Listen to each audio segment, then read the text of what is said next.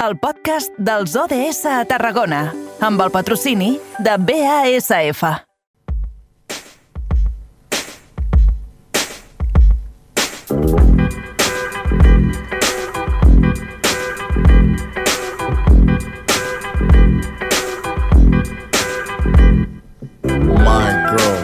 Like a girl, cowboy hats, boots, and Spanish pearls. I see on both sides like Chappelle, see on both sides like Chappelle. The Daily Planet writes me up well.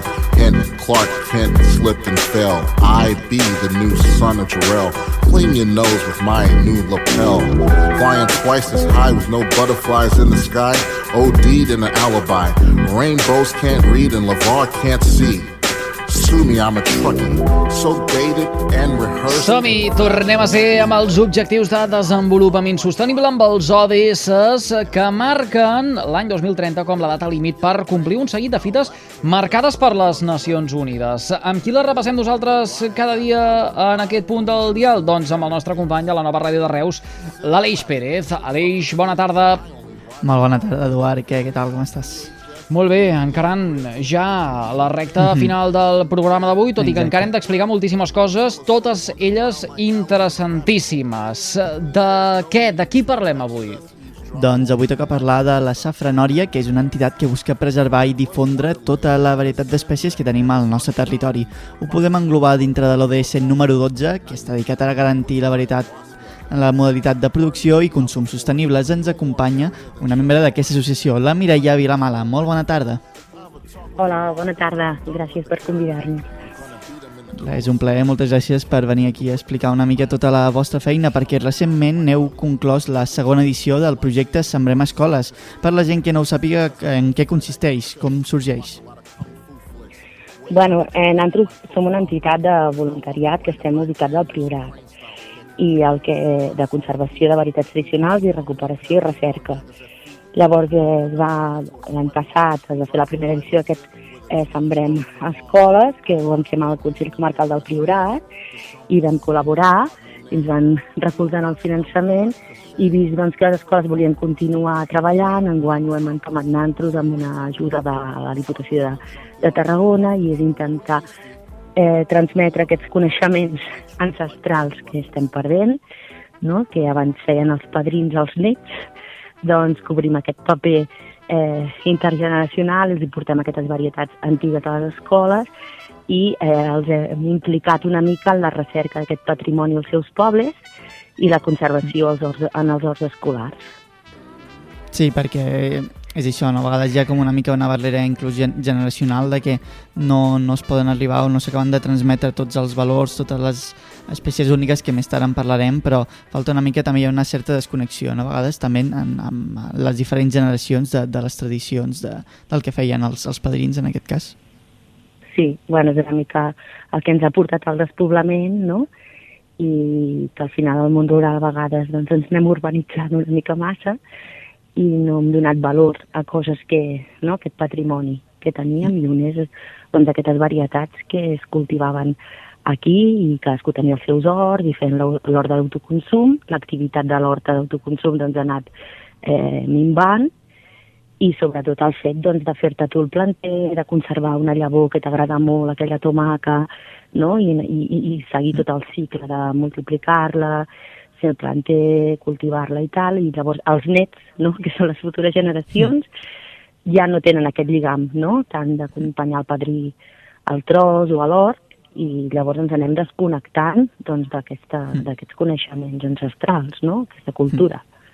I aquest projecte llavors també és això, no? una mica els, els enganxa, la connecta ja no només a, a, tots, a tots a les nenes i nens que, que estan a l'escola, sinó també a, a tots, els, a tots els, els avis, a tots els, a tots els pagesos que potser també també tenen una oportunitat no? d'explicar una mica la seva feina i el que fan a, a les futures generacions.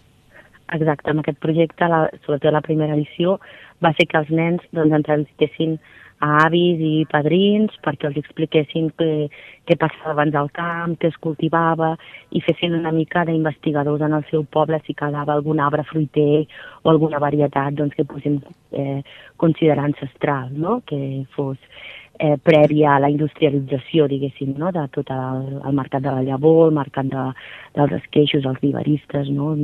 eh, varietats més durades, sinó que fossin encara autèntiques, tradicionals. I ells van fer d'investigadors i aquí s'ha trobat material doncs, que ja s'ha d'anar a veure més amb calma, però bueno, ells han, han trobat com tresors amagats encara, no? I, sí. ens, i llavors, bueno, és, és també per nosaltres eh, tenir aquesta complicitat al territori i anar doncs, eh, extenent l'estima per aquest patrimoni en generacions això, no? que estan desconnectats una mica cada cop més.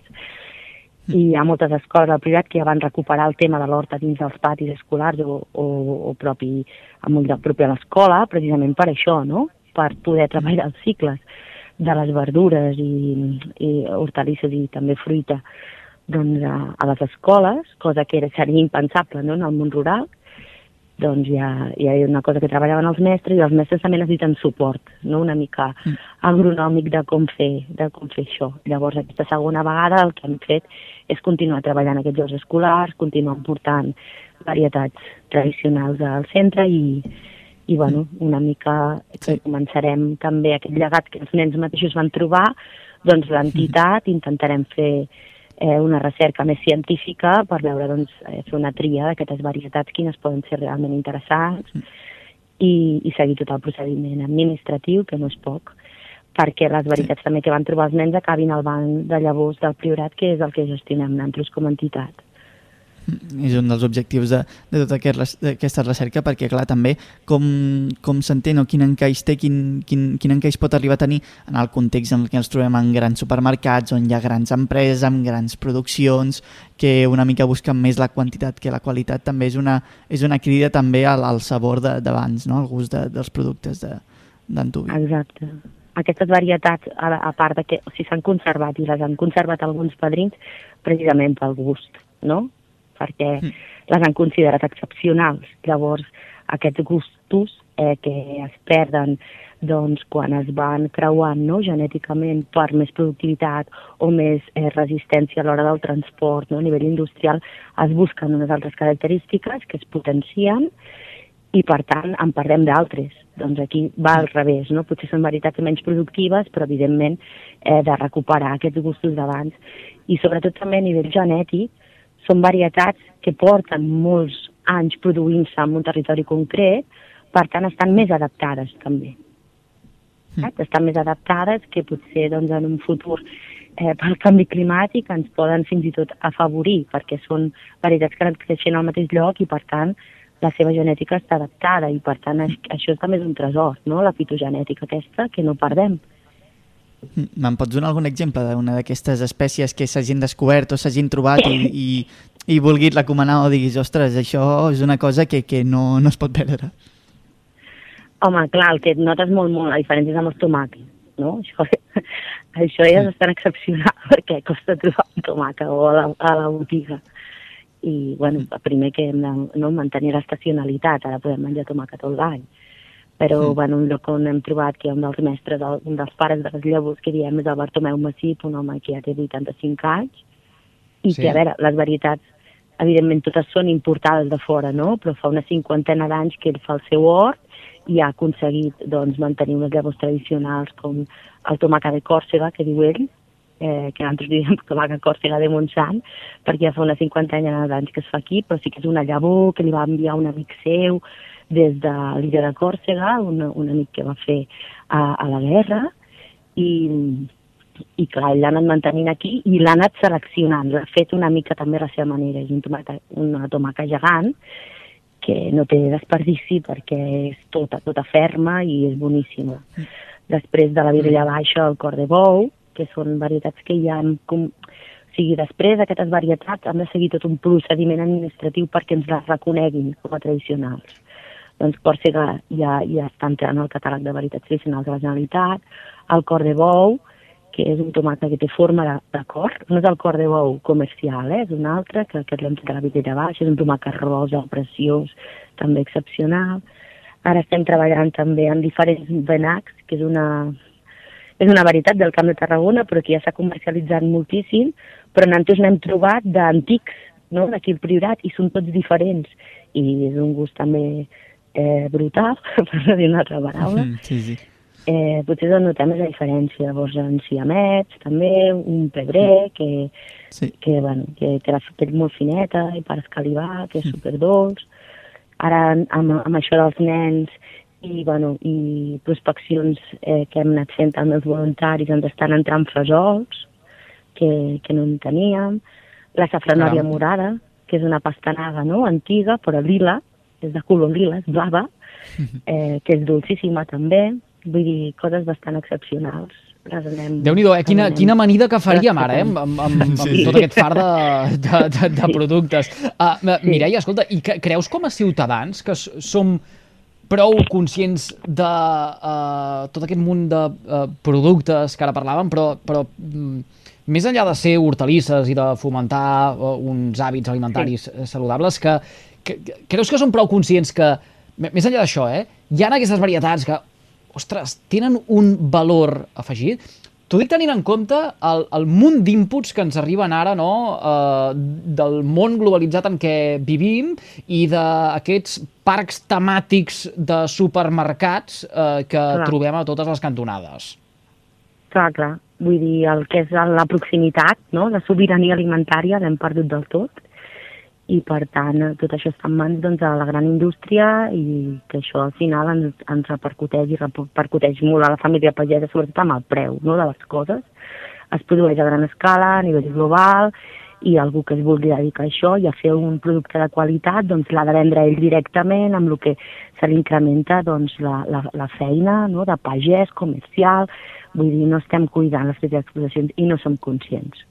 Realment no som conscients d'aquest valor afegit que, que tenen aquestes fruites i sobretot fruites i verdures de, del territori o, o, o, o família pagesa, petit productor, per l'empenta que ens deixen al paisatge. Al final també són els jardiners del nostre paisatge en, en el món rural, no? I ara que eh, bueno, estem a punt de començar aquesta calor de l'estiu i aquesta campanya d'incendis complicada i tot, doncs uns gestos del territori d'aquest petit agricultor l'acabarem perdent precisament per la nostra comoditat, per anar a la gran superfície, comprar tot l'any, ens hem totalment crec, desconnectat del cicle de les coses, de l'estacionalitat dels productes, no, no surt el mateix eh, en, en, en totes les èpoques de l'any i som ignorants, mm. jo em considero molt ignorant, eh? també quan compro coses, eh, moltes vegades també juguen amb... O sigui, no ens diuen exactament aquesta carn ve d'aquí, no? Sinó que l'etiquetatge hi ha molta feina a fer perquè també eh, el consumidor puguem saber què estem comprant.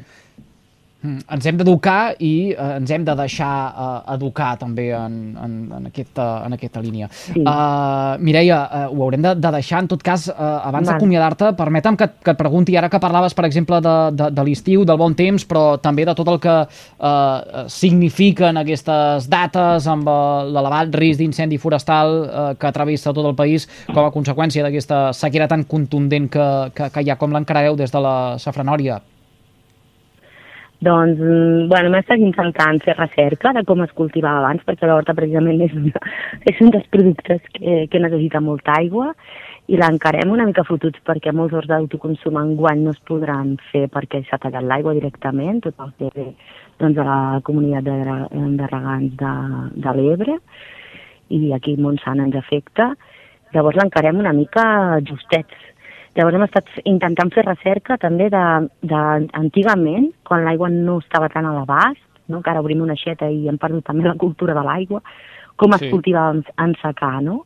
I hem trobat doncs, que hi ha coneixements també ancestrals que no han arribat als nostres dies, i que és aquesta cultura de l'aigua, d'aprofitament de l'aigua de la pluja, es feien eh, sèquies eh, on es conservava la humitat i no es necessitava tanta aigua per la verdura. Ara hem anat, vam, venim de la cultura de regamanta Sí. i, i ara hem començat amb el gota a gota, però clar, quan ens ha fallat l'aigua, què fem amb l'horta, no?